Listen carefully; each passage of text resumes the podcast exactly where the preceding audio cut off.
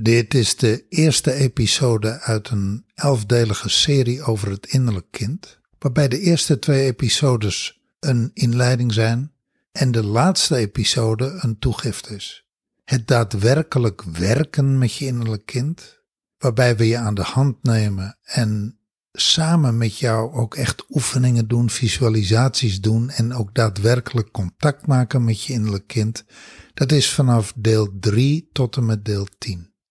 En het blijkt dat deze serie enorm populair is. En we hebben onszelf afgevraagd waarom is dat? En we komen eigenlijk maar tot één conclusie.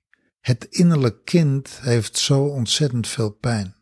Dat is ook waarom de meeste mensen weg willen van het innerlijk kind. Omdat het innerlijk kind zoveel pijn heeft. Zoveel mensen missen het kind in zichzelf, wat vrij en onbevangen is en creatief en vrolijk en spelend is. Dat is het verlangen, maar feitelijk is dat niet de realiteit. De realiteit is dat het innerlijk kind deuken heeft opgelopen, verwondingen heeft opgelopen, littekens heeft opgelopen en het moeilijk heeft gehad. En dat is wel exact waar deze serie je mee in contact brengt. En niet omdat alles dan doom en gloom is en alles negatief is en zwaar en moeilijk. Nee, helemaal niet.